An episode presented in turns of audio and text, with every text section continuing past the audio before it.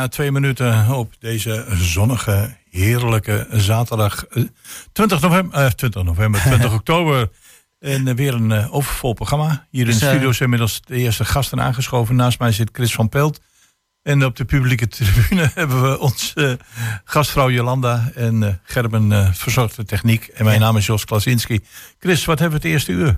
Nou, op 21 oktober, want dat is het zelfs al. Jee, mijn ja. veldje in mijn oog. Ja, ja, 21 oktober. Hebben we in ieder geval twee kunstenaars tegenover ons. Uh, Michiel Stokvis en Renske Schild. Die gaat het, uh, we gaan het hebben over de expositie in de Mullerwerf. gaat over duisternis. Duisternis, ja. En uh, ja, dat wordt een heel spannend onderwerp, denk ik. Ja. Nou ja, we, ik weet er nog niet zo heel veel van, maar dan gaan we, we gaan natuurlijk het hemd van het lijf vragen zo. Ja.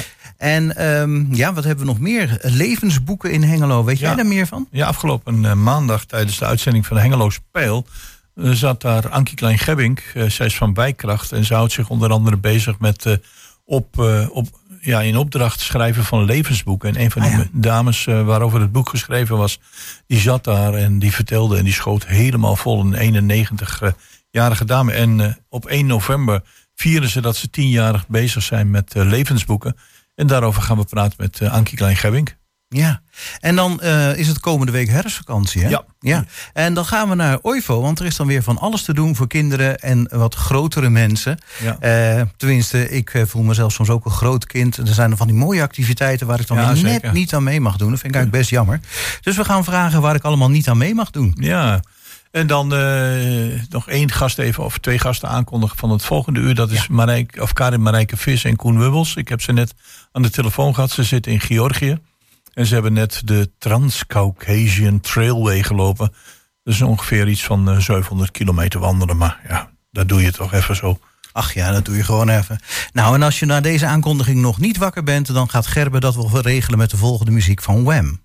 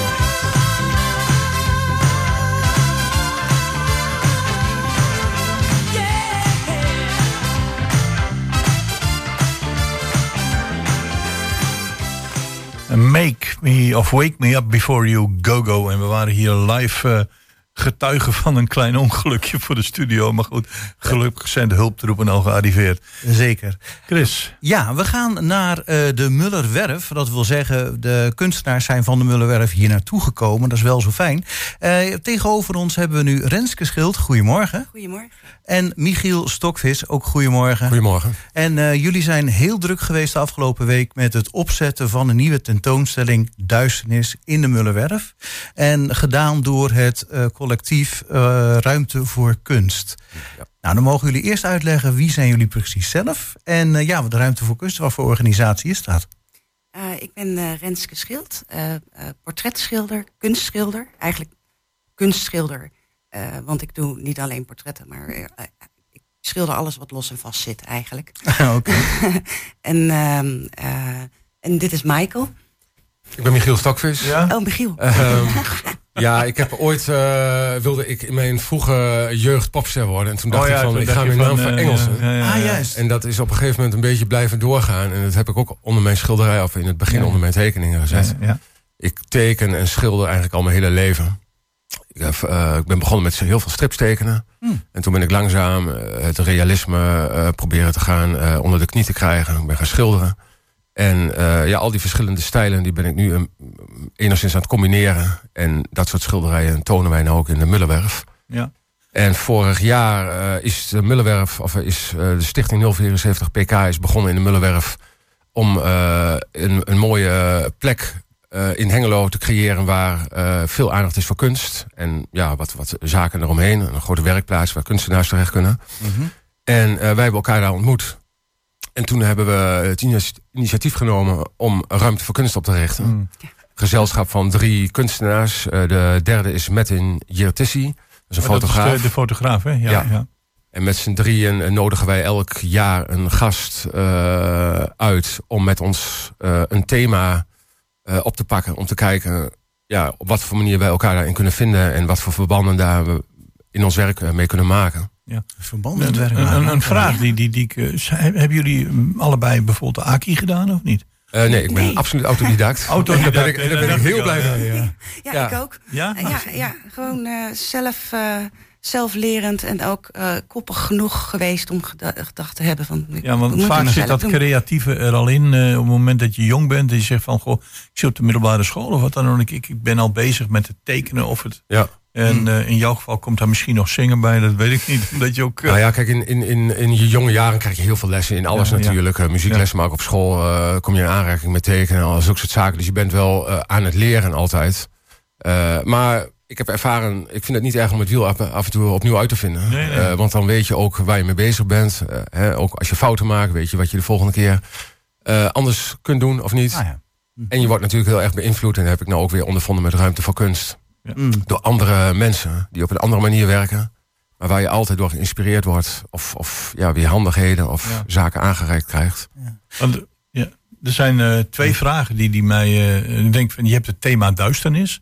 En dat kan natuurlijk te maken hebben dat we langzamerhand uh, kortere dagen krijgen en langere nachten. Ik weet niet of de keuze daarop gebaseerd is. Nee, niet, niet per se. Nee, nee het, eh, het is, was echt een. Uh, het was eigenlijk een, uh, een, een, voorstel van, van Metin. En wij zijn daarin meegegaan. En um, we wilden het heel erg breed houden.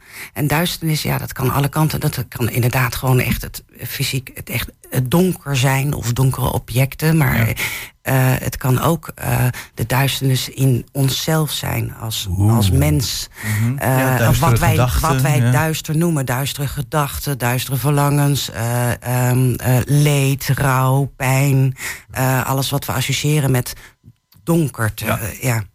En zo hebben wij dat eigenlijk ook opgepakt. En um, dat we niet, we hebben het uh, vrij breed gehouden voor mm. onszelf, zodat we uh, ieder op een eigen manier daar um, uh, invulling aan konden geven. Dus ik, ik, ik heb het heel erg geïnspireerd op, op verhalen. Um, Michael heel erg op de, hoe je hoofd uh, raar kan doen. De, gek, de gekte in je hoofd. De absurde, absurdisme. Um, Judith heeft het ook meer op een verhaal gebaseerd. Ja, Judith, noem de achternaam ook nog even. Dat is Judith Schepers. Judith Schepers. Zij is uh, uh, voornamelijk ze is een hele goede tekenaar. Maar ze heeft nu echt een. maar ze doet ook installaties. Ze heeft ook de graftrommels op dat, hier op de oude begraafplaats.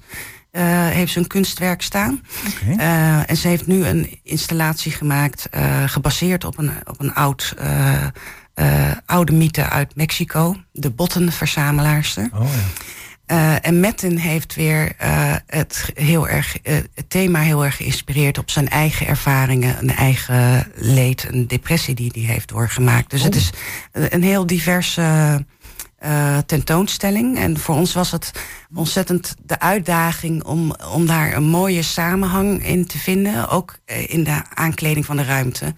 En de Mullerwerf leent zich daar uit, uh, uitstekend voor. Want dat is, als je het helemaal leeg haalt, wat we deze week ook echt hebben gedaan. Ja. Um, wat veel werk was. Dan kun je ja. het weer helemaal opbouwen zoals je het zelf wil. En voor ons als, als schilders, want Michael heeft ook geschilderd, was het ook de uitdaging om eindelijk eens een keer groot te gaan werken. Dus we hebben ook echt grote schilderijen uh, Oké, oké. Uh, Michiel, ja, My, Michael, nee, we zitten een beetje door elkaar te ja. Trouwens, nou toch over je naam hebben. Stockfish op zijn, op zijn Engels. Is dat nou ook een artiestennaam? Of, nou, dat is eigenlijk wat ik gebruik voor mijn muziek. Ah, die gebruik je voor je maar muziek? Ik ben eigenlijk, het schilderen heeft het eigenlijk overgenomen. Mm. Uh, ik heb de leeftijd ook niet meer om op een podium te gaan staan springen uh, drie uur lang. dus, uh, dat kan nog tot je tachtigste geloof ik. Ja, ja, het, ja, kan wel. Maar uh, op dit moment voel ik me wat prettiger als ik met een potlood of met een, een kwast voor een doek sta. Dus um, ja. Ja, van, van Renske weet ik een beetje wat de stijl van oorsprong is. Dat zijn dan uh, portretten, ook in opdracht. Wat, wat, normaal gesproken, wat voor, wat voor dingen maak jij? Uh, nou, uh, ik combineer verschillende stijlen. Ik ben uh, echt begonnen met striptekenen. Oh ja. En dat was heel mm -hmm. speels. Uh, ja. En dat is uh, ja, geleidelijk aan een beetje over, overgegaan in cartoons tekenen. En, en wat abstractere vormen. Maar ik, ja, ik vond dat niet. ik wilde er een schepje bovenop doen. Dus toen ben ik echt een aantal jaar bezig gegaan om allerlei dieren en mensen en stillevens te schilderen. Om, om die techniek van het, ja, het realisme een beetje. Ja, oh, juist naar het realisme toe. Ja, ja. ja, om dat onder de knie te krijgen. En daar heb ik toen ook, uh, ben ik ook, toen ben ik ook begonnen met exposeren. Okay. En langzaam heb ik die hele uh, stripkant daar weer een beetje ingebracht. En dan ja, krijg je toch een combinatie. Wat um, ja, van ik denk dat het toch ja, zich een beetje onderscheidt van, van, van uh, anderen. Mm. En dat vond ik zelf altijd leuk om echt hele, ja, hele andere zaken te zien of te ondergaan. Dus um, ja, dat probeer ik nou uh, door te zetten. Mm. En begin komend jaar probeer ik uh, een stripblad te gaan introduceren. Waar ook al, allerlei platen en, en, tekeningen in staan. Waar ik zeg maar alles, alle verschillende stijlen die ik, kan, die ik daarin terug kan brengen. Dus um, ja, uh, zodra deze expositie voorbij is, dan kan ik weer aan een, een, nieuw thema beginnen. Ja, ja. ja. Oh, ja, ja. ik vraag me af, je, we hebben op een gegeven moment heb je dan uh, vier kunstenaars, Martin, Renske, Michiel en Judith. Mm -hmm. Allemaal verschillende stromingen. Ja. Wel onder één thema duisternis. Ja. En dan mag je een hele week bezig om daar iets aan op te bouwen. Hoe makkelijk of hoe moeilijk is dat om dat op elkaar af te stemmen? Um, uh, dat, is, nou, dat is best een uitdaging. Want we hebben wel te maken met kunstenaars natuurlijk. Ja, ja, met hun eigen... Uh, ieder, zo moet dat eigen, ook, hè? Eigen ideeën. En ook uh, als je dan zo'n thema neemt als duisternis... dan, dan komt er gelijk, komen er gelijk allemaal associaties. En voor iedereen is dat weer heel erg persoonlijk. Um, we hebben er toen voor gekozen om dat ook echt...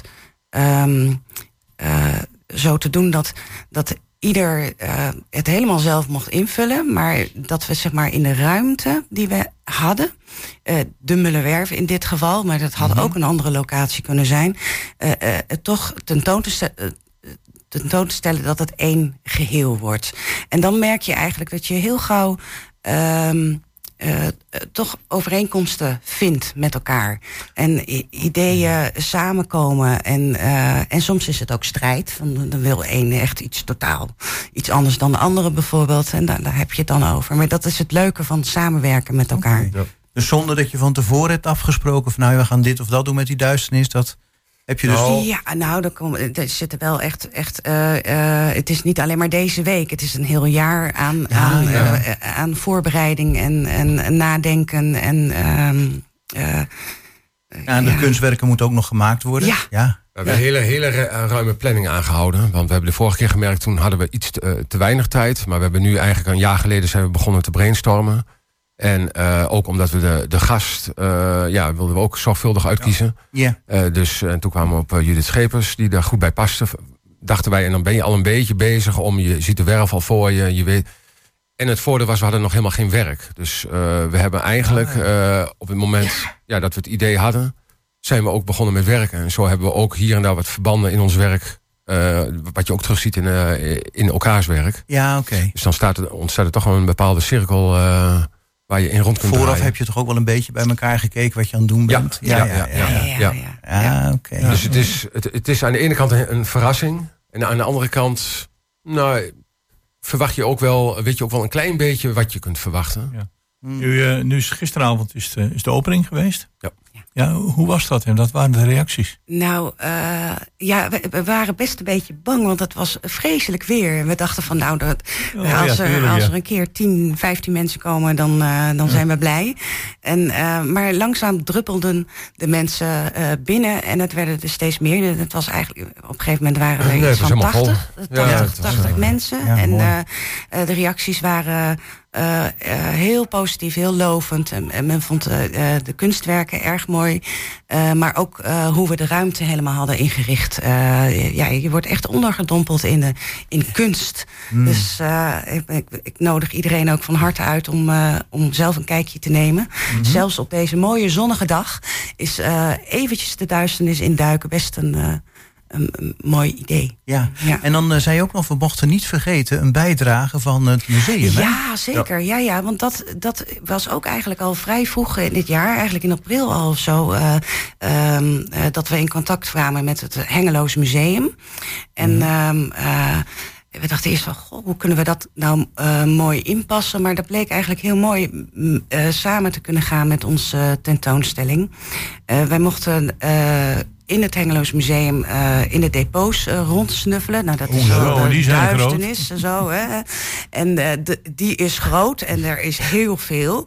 En um, ja, het Hengeloos Museum is, heeft natuurlijk veel historische dingen uit Hengelo. zeker de moeite waard om te gaan kijken. Als je daar binnenloopt, dan kom je in een huis terecht... Uh, zoals het uh, in de vorige eeuw was. Dat is al heel bijzonder. Mooie stukken hebben ze. Uh, maar in de depots zijn ook dingen waarvan je niet verwacht dat het Hengeloos Museum het heeft. En dat komt mm. omdat er heel veel schenkingen zijn gedaan aan hen. En daar hebben wij een paar uh, uh, bijzondere objecten uit, ja. uit opgeduikeld. Nou, ze dik te denken aan martelwerktuigen, maar zo erg is het nee, niet. Dat, nee, dat nee, niet. nee, maar nee. er, er, was bijvoorbeeld een, een, een Hengeloze kunstenaar die vreemde tarotkaarten heeft zitten ontwerpen. Met, met oh. rare, duistere voorstellingen erop. Um, ja. En het, uh, we, hebben, we zijn heel blij ook dat het Hengeloos Museum een van de uh, topstukken aan ons heeft uitge, uitgeleend. Uh, dat zijn de dokenrollen. de dokenrollen, vroeger was er een, als je dan ging trouwen, kreeg je een bruidschat. Okay. En um, normaal, nu hebben wij als we trouwen, dan zijn we vooral blij in het moment. Maar toen was de dood veel reëler. Ja. Je kon doodgaan in, in het kraambed of je was gewoon makkelijker, ja. ging je dood. En dan kreeg je dus bij je bruidschat een, een dokenrol. En dat is eigenlijk een laken waarin als je doodgaat ja. ingerold kan worden. Oh. Maar die dokenrol die werd op een hele mooie kunstzinnige manier in elkaar gedraaid als een wow. soort hartvorm. en die is te bewonderen, zowel in het Hengeloos Museum, waar ze daar nog veel meer over kunnen vertellen, als nu bij ons op de kunstwerkplaats. Uh, nou, ook. dus uh, samenwerken Mooi. werkt, hè? Ja. Ja. En dan, uh, ja, dan hebben we zondagmiddag. Dan hebben we Abe. Abe de verteller. Abe, Abe de, de verteller. verteller. Ja, we wilden toch de, de bezoekers willen we iets aanbieden. Dat was ook met de, met de opening, met muziek. En we wilden er iets meer omheen wat mooi in het thema past. Nou, de verhalenverteller Abe, die past daar perfect in. Hij heeft een aantal boeken geschreven. en die, ja, die gaan over mythes en legendes. En een beetje dus mysterieuze zaken des levens. Ja. En nou, ik denk dat het een, een, een ja, een show is een beetje een raar woord, maar ik denk dat het een mooie voorstelling gaat worden. Ja, ja hij, gaat, uh, um, hij, hij komt uit Drenthe, maar hij kent ook heel veel Twentse verhalen. En uh, om twee uur morgenmiddag gaat hij Twentse duistere verhalen vertellen. Denk aan de Witte, Wie, de Witte Wieven of misschien wel iets van Huttenklas. We, we, hebben hem daar eigenlijk vrij in gelaten. Ja. Um, en uh, daarna om vier uur gaat hij een uh, verhaal, een horrorverhaal vertellen van H.P. Lovecraft, de, de horrorschrijver. Dan dimmen we het licht een beetje. En dan dimmen we het licht een beetje. En het is dus ook echt niet voor uh, uh, kinderen. Ge nee. Niet voor kleine kinderen. Nee. Zeker 12 plus moeten, moeten we wel aan denken. Okay. Moeten we even voor waarschuwen. En uh, ja, het, uh, daar kijken we erg naar uit. En iedereen is welkom. En het is gratis te bezoeken. Ja. Nou, dus we moeten gaan, moeten gaan afronden. Ja, zeker. Ja. Tot wanneer snel. is duisternis te bewonderen? Uh, duisternis is te bewonderen tot, uh, tot en met uh, 5 november. En elke vrijdag, zaterdag en zondagmiddag van 12 tot 5. En anders op afspraak. Okay. Kan ook. In de Mullerwerf. In de Mullerwerf. Allemaal in de Mullerwerf. En op onze website ruimtevoorkunst.nu staat alle informatie die je wil weten. Ja, met werken dus van Metin Jirtisi, Renske Schild, Michael Stokvis en Judith Schepers. En dan, uh, nou moet ik, ja, Michiel of Michael, wat, hoe zal ik je afkondigen? Uh, Michiel. Michiel en Renske, hartstikke fijn dat jullie naar de studio zijn gekomen. En ik hoop heel veel op heel veel bezoekers. Ik ga zeker even kijken zo. Dankjewel. Dank, dankjewel.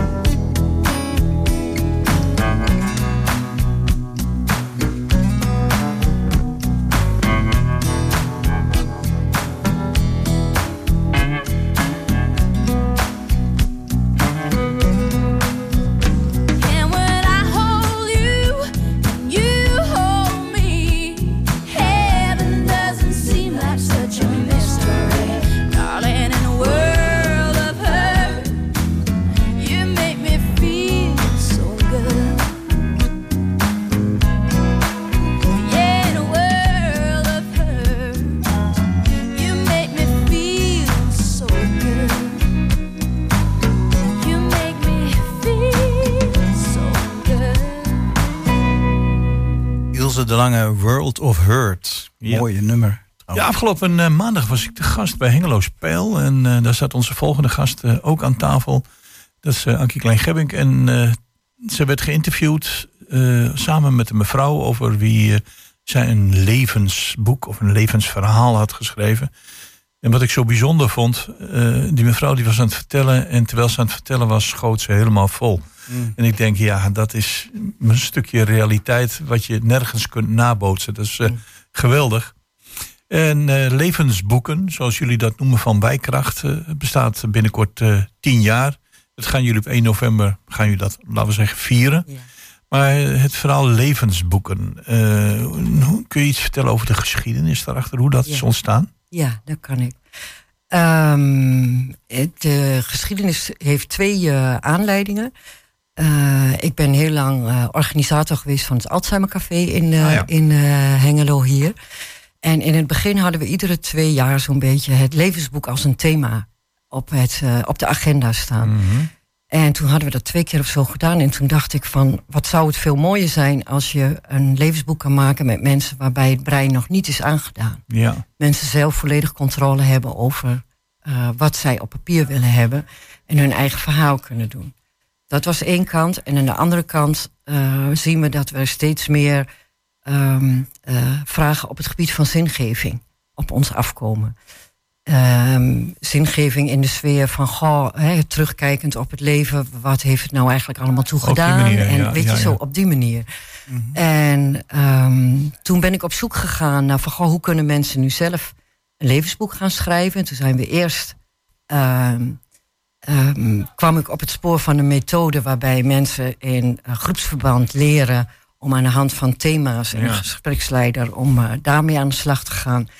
Nou, dat werkte maar um, wel in die groep, maar mensen gingen niet zelf schrijven. Dat boek kwam nooit tot stand. We blijven tukkers, hè? Het blijven tukkers, maar het is ook, uh, uh, want we krijgen wel vaker nu ook verzoeken van mensen die zelf al begonnen zijn en zeggen: Ik loop vast, want je uh, mensen lopen dan vaak vast omdat ze niet meer de, van het ene onderwerp of het ene onderdeel van het leven naar het andere kunnen, zich verstrikt voelen in details en dan de rode draad niet meer vast kunnen pakken. Of ja, zoveel herinneringen oproepen dat ze zelf niet meer weten van welke nee, want, kant want ga er, er nou Er is natuurlijk om. ook bepaalde dingen die gebeuren in je leven die uh, zo heftig zijn geweest, en dat kan positief of negatief Ja. zijn, dat je daarin blijft zitten. Ja. En dat de rest dan zoiets van, oh, dat is ook nog gebeurd, dat is ook nog gebeurd. En volgens mij, als de mensen dan aan de, door de, jullie aan de hand worden meegenomen, want dat is eigenlijk een beetje eh, de, de achterliggende gedachte wat ik van maandag heb begrepen, dan komt er wat meer boven water dan, uh, dan ze eigenlijk zelf zouden willen of uh, kunnen. Ja, dan, dan dat wat je in je eentje zou kunnen. Ja. Mm. En ook dat wat, uh, dat noemde ik maandagavond ook even. Um, in het begin werd ik ook nog wel vaak geconfronteerd met de opmerking van... goh, maar dat is toch eigenlijk meer iets voor familieleden onderling. Hè, kinderen die dan een levensboek voor ouders maken. Terwijl het juist de kracht is om uh, zeg maar anoniem tegenover elkaar te zitten. Mm -hmm. um, de vrijwilligers, zoals wij die noemen... Uh, want ik maak die boeken niet zelf. Nee, nee. Was dat maar het geval dat je daar de tijd voor zou hebben. Maar we hebben zo een uh, groep van negen vrijwilligers... die uh, eigenlijk voortdurend op pad is om levensboeken te maken. maar zij, ik zorg er altijd voor dat er geen connectie is... tussen de vrijwilliger en de nee, ouderen. Nee. Die noemen wij de verteller. Zodat er zeg maar, alle vragen gesteld kunnen worden... en ook alle antwoorden gegeven kunnen worden. Oké. Okay. Uh, het lijkt mij best lastig. Ik zit nou te denken, wat stelt ik nou een boek over mezelf moet schrijven? Ja, wat zou ik eens beginnen? Ik vind, is het nou wel zo interessant om een boek over mij te schrijven... of te laten schrijven?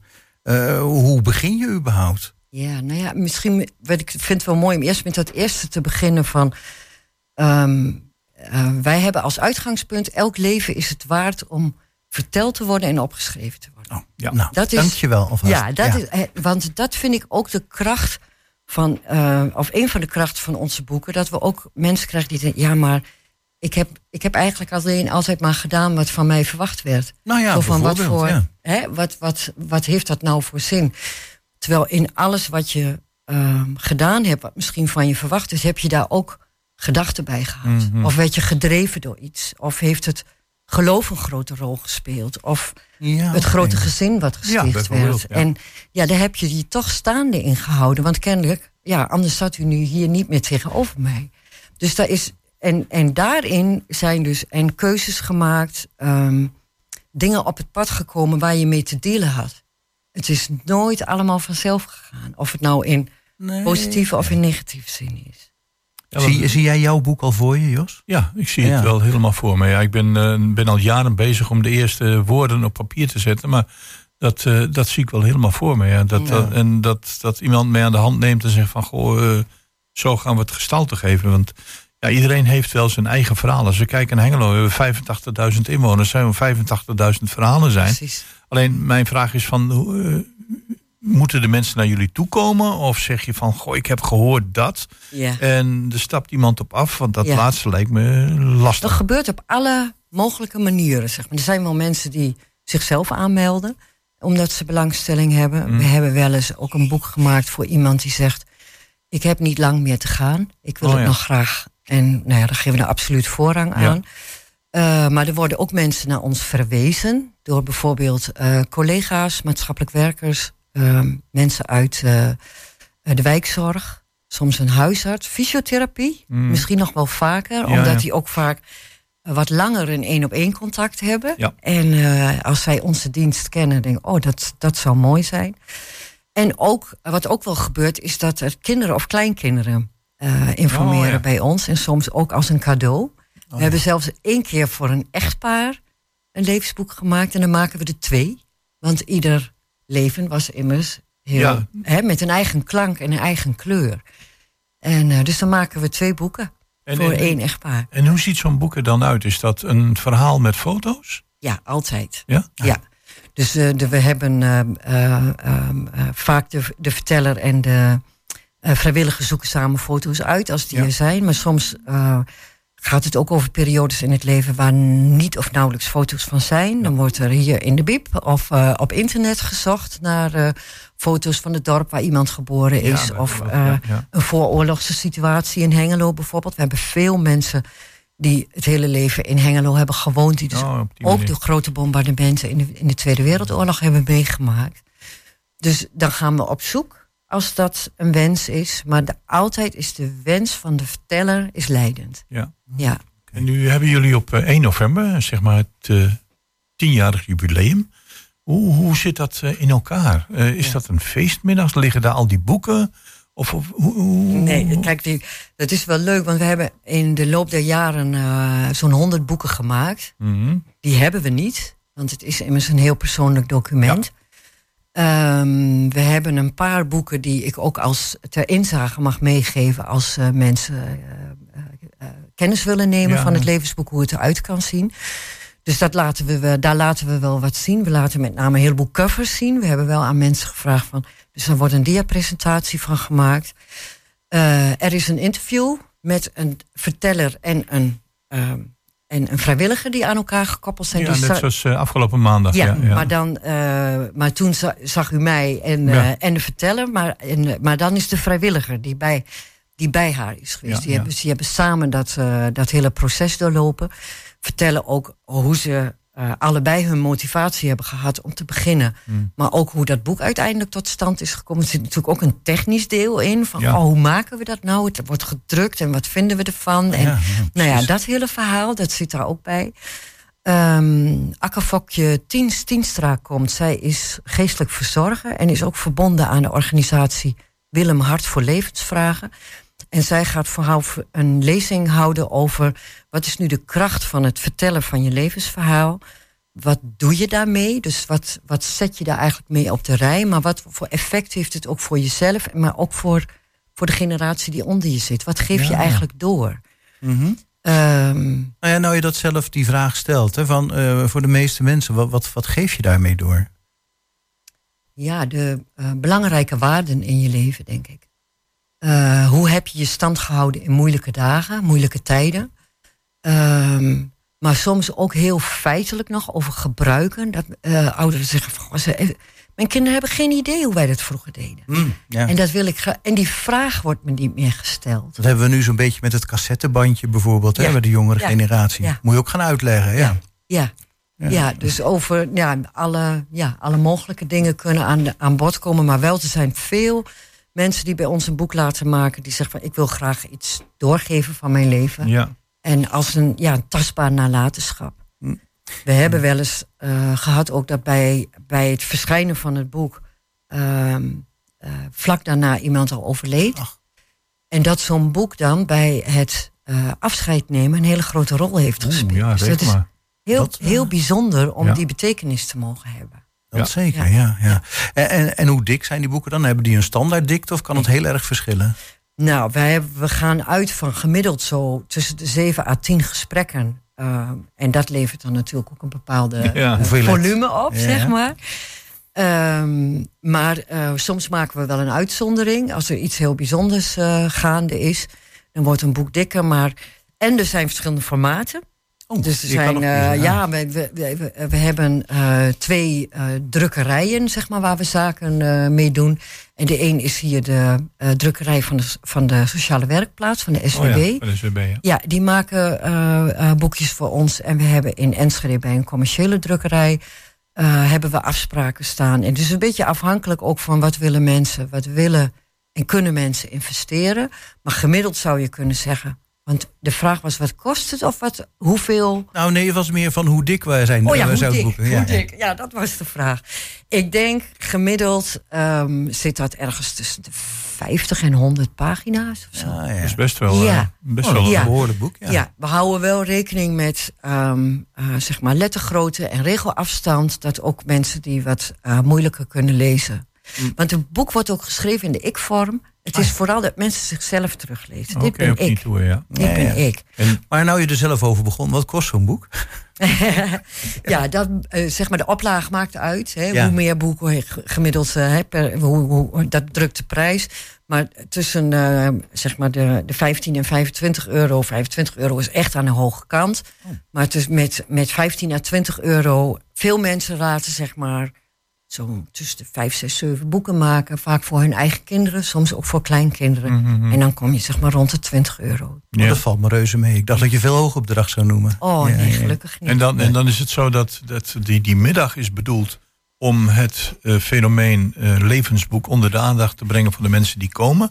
Want uh, betekent dat dat er nog meer gebruik van gemaakt zou kunnen worden dan het op dit moment is. Want jullie zitten met een aantal vrijwilligers. En ik ja. kan me voorstellen dat als daar mensen smiddags aanschuiven, ze denken van wauw, wat een prachtig initiatief. En dat je dan wachtlijsten krijgt. Ja, we krijgen nu al aanvragen. Ja, ja. Op basis van berichtgeving die nu, uh, nu rondgaat. Dus aan, ja, aan de ene kant is dat zo, heb, hebben we nu wel wat plek. Uh, maar wellicht levert dat ook nog weer nieuwe vrijwilligers op. Um, en uh, ja, de middag is ook bedoeld voor, uh, voor mensen die zelf een boek willen laten maken. Maar ook wel voor die verwijzers die ik net noemde. Ja. Dat mensen weer goed even op het netvlies krijgen. Uh, het levensboek maken levert ook heel veel aandacht op. Dus betekent ja. ook dat mensen die dat traject aangaan. Je zit zo een maand of drie tot een half jaar als verteller en vrijwilliger zit je aan elkaar verbonden. dus het levert heel veel kwaliteitstijd op met elkaar. Dus dat kan ook soms, we zeggen we zijn geen um, uh, therapeutische, uh, uh, wij zijn niet therapeutisch, maar het kan wel helend werken. Therapeutisch zo, zo, zo zou het wel over kunnen komen. Ja. Als jij eigenlijk je verhaal niet kunt of wilt vertellen, dan krijg je een vrijwilliger tegenover je die een x aantal keren bij jou thuis komt en in één keer vertel je het verhaal en dat kan vaak leiden tot opluchting, bevrijding, ja. delen van. Ja. Uh, ja. Dus het, het, het mes snijdt in de geval aan twee kanten. Hè? Ja, maar het is wel zo dat we altijd starten uh, op basis van dat iemand het zelf wil. Ja. Dus het kan nooit zo zijn, want dat, dat gaat niet werken. Omdat u net zei van, de, um, uh, als mensen niet zo willen, maar dat, nee. dat is niet zo. Het is wel eens zo inderdaad dat mensen dan uiteindelijk niet veel tekst hebben. Ja. Hè? Nee, dat, en, en, en dan, we hebben ook wel wat hulpmiddelen. Het is een, een, een set dat heet uh, Mijn leven in kaart. Er zit ook een scholingscomponent in. En dat, zijn, dat is een, uh, een boek met achtergrondinformatie voor de, voor de vrijwilligers. Ja. Maar er zitten ook kaarten in met vragen, foto's en vragen over verschillende levensdomeinen. Dus als we zien dat iemand daar toch echt wat in vastloopt en het daar niet goed meer tekst bij krijgt, Een ander is ook, wat we ook wel doen, mensen met, uh, ik begon net te vertellen over het Alzheimer Café en, en uh, uh, mensen waarvoor het brein wat beschadigd is. Mensen met een beginnende dementie hebben we ook een aantal vrijwilligers die dat wel mm -hmm. heel leuk vinden Oeh, om ja. dat te doen. Om daar toch nog een boek voor te maken. En dan noemen we het vaak um, levensfragmenten. Oh, Want dan is het soms niet meer zo nee, goed nee. overzichtelijk te, te krijgen, zeg maar, dat het dat hoeft ook überhaupt niet dat het een chronologisch verhaal wordt. Ja. Maar dan, dat kan helpen om toch. Um, het doet iets met eigenwaarde. Ja. Het maken van zo'n boek. Is het ook wel eens voorgekomen dat er iemand begonnen is aan zo'n boek en dat door heftige emoties of wat dan ook, dat ze zeggen van nou nee, ik wil dat boek nou toch niet? Ja. Ja, ja, ja dat is ook wel voorgekomen. Uh, of om andere redenen. We hebben zelfs wel eens gehad dat we begonnen zijn aan een boek en dat iemand zei: Oh, ik heb er al een. Dus hebben we, ja, ja, ja. Dat was even buiten beeld geraakt. Dus dat is ook wel weer heel grappig. Maar ook wel dat mensen door. Uh, want herinneringen ophalen doet herinneren. Dus er komt steeds meer boven. Mm -hmm, ja we zien ook wel dat heel veel mensen niet iedere week, maar zeggen: doe maar één keer in de 14 dagen. Ik heb ook even tijd nodig om dat ja. weer op de rij te krijgen. Ja, ja. En wat ook gebeurt, is dat er veel meer verteld wordt dan dat wat opgeschreven wordt. Mm -hmm. He, dat mensen wel hun verhaal doen, maar zeggen: oh nee, dat hoeft eigenlijk allemaal niet in het boek. Nee, we moeten gaan afronden. Um, alweer. Ja. Waar, uh, waar kunnen de mensen eventueel de, de informatie vinden op jullie ja. website? Ja, op de website, website Wijkracht Hengelo is een apart uh, kopje levensboeken. Ja.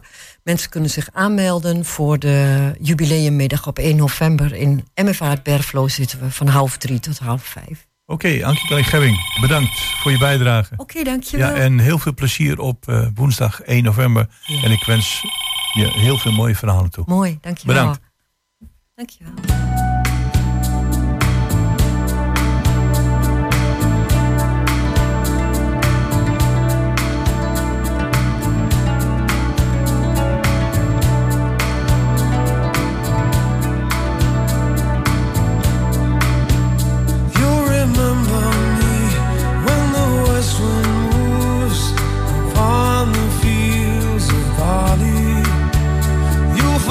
the sun in his jealous sky as we walk in fields of gold.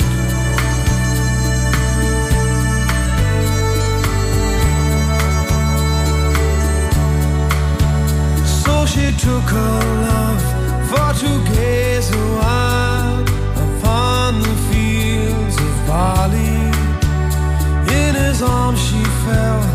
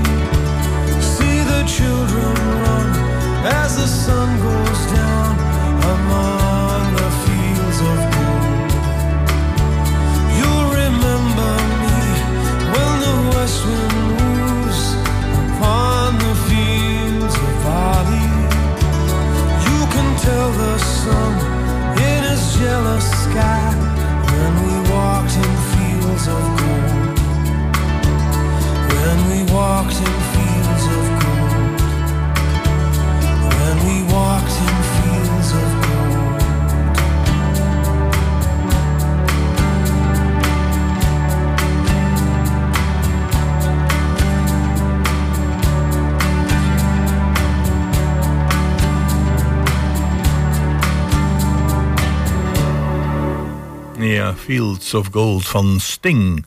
Ja, het is weer zover. Eh, de herfstvakantie is aangebroken. Als je naar buiten kijkt, vanmorgen scheen nog de zon en nu uh, regent het alweer.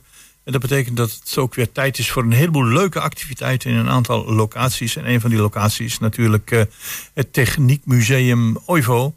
En daar is van alles te doen in de herfstvakantie. En daarover gaan we praten met uh, Mariska Stoevenbelt. Goedemorgen. Goedemorgen. Het is weer zover. De herfstvakantie is, is aangebroken. En ja. uh, er is van alles uh, bij jullie te doen. Uh, en ik neem aan dat dat heel veel op techniekgebied is. En voor ja, jong en oud. En dat oud is dan tot een bepaalde leeftijd. ja. Nou ja, wat ons betreft is oud zeker niet tot een bepaalde leeftijd. Nee, oké. Okay. En is iedereen welkom. Ja. zeker voor jong, maar ook in oud. nou ja, er is genoeg te beleven en te doen. Uh, zoals je al zei, en we gaan inderdaad, nou ja, we hebben niet heel mooi weer op het vooruitzicht staan. Dus des te leuker om naar binnen te ja. gaan. Um, dus um, daar hebben wij natuurlijk een beetje op ingespeeld. En um, nou ja, bij Oifo is eigenlijk aankomende week weer van alles te doen. En nou, wat eigenlijk altijd standaard wel in de vakanties terugkomt zijn onze leuke uh, maakactiviteiten. Waarbij uh, voornamelijk kinderen, maar wel onder begeleiding van ouders of grootouders, uh, aan de slag gaan met technische werkjes. Ja, en waar moet ik dan, uh, waar moet ik dan aan denken bijvoorbeeld? want er zijn altijd wel een aantal zaken die in het oog springen. Zeggen van, god, dat is leuk om te doen of dat is leuk om te doen. En ik kan me herinneren dat er ook vaak, of soms begeleiding bij is van mensen die, die, die, die vroeger in de techniek gewerkt hebben en zeggen, oh, ik wil de kinderen wel helpen bij het een en ander. Ja, maar, maar kun je een aantal voorbeelden geven van uh, waar ze zo aan deel kunnen nemen? Ja, zeker. Nou, ze kunnen zelf kiezen uit verschillende uh, activiteitjes, of eigenlijk kleine maakpakketjes die we hebben. Ja.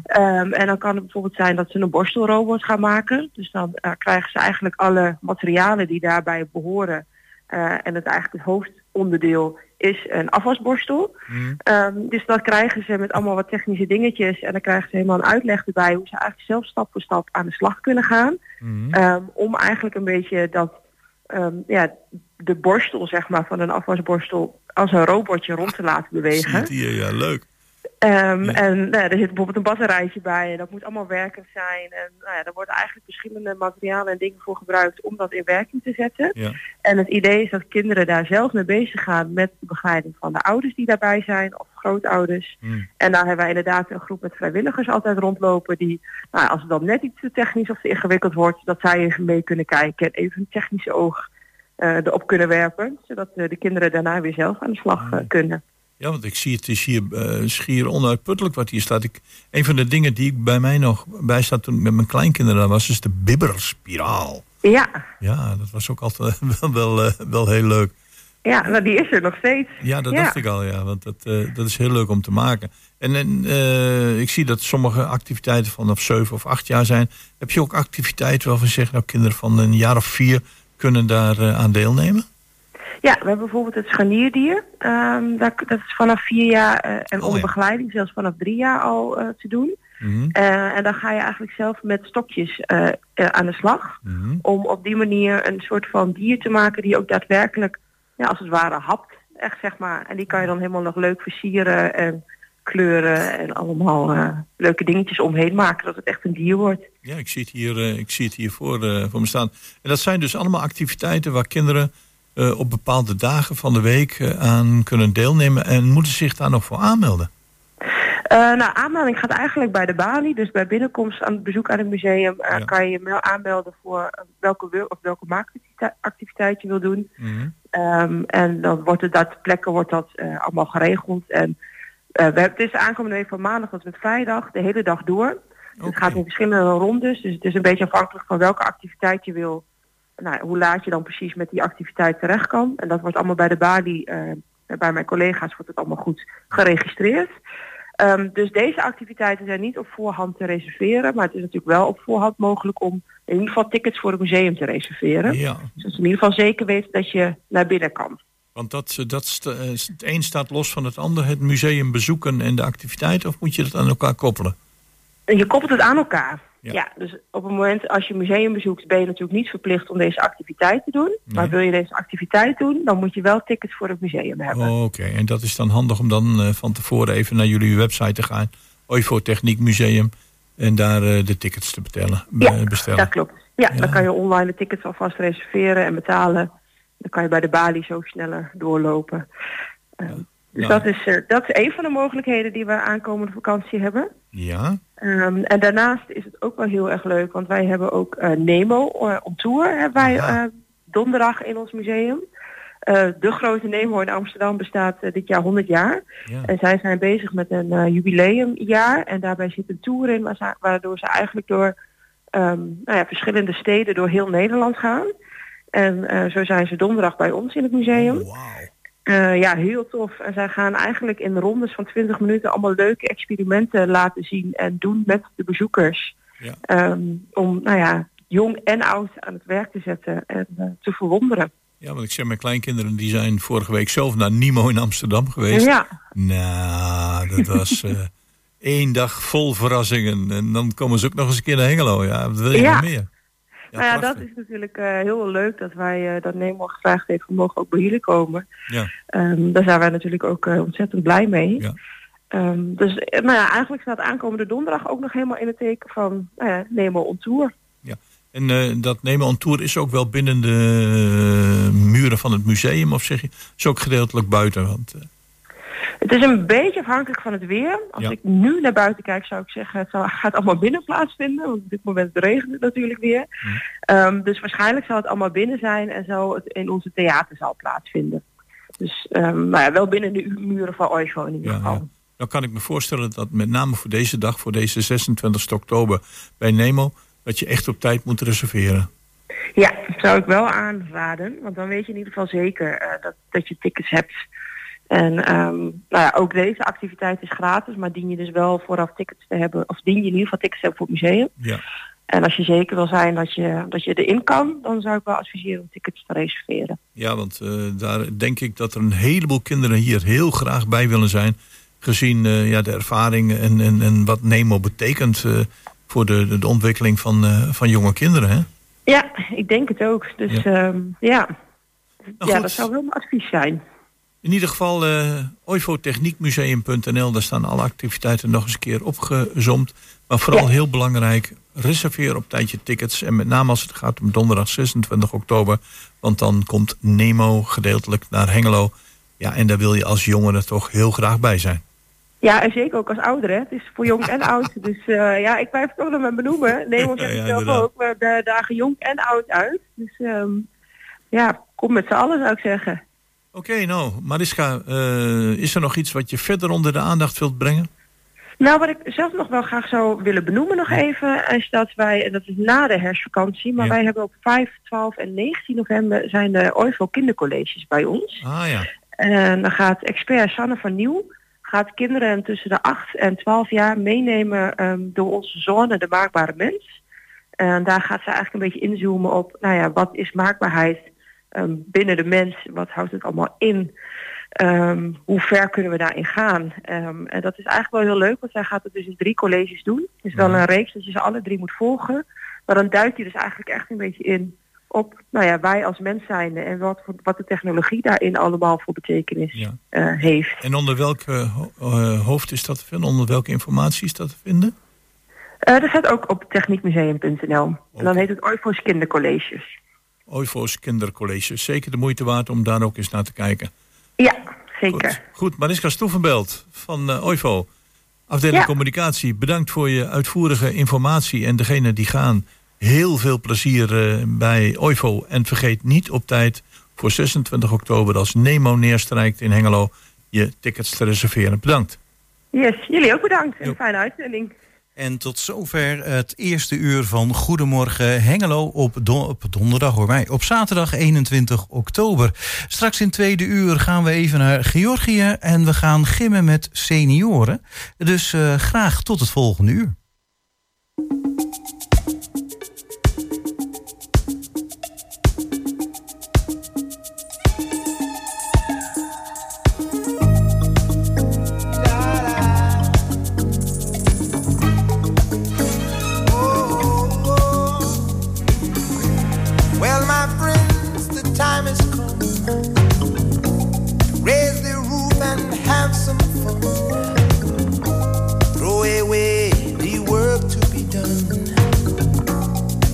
Let the music play on.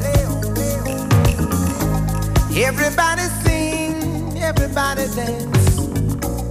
Lose yourself in wild romance. We're going to party, caramba, fiesta, forever. Come on and sing along. We're going to party, caramba, fiesta,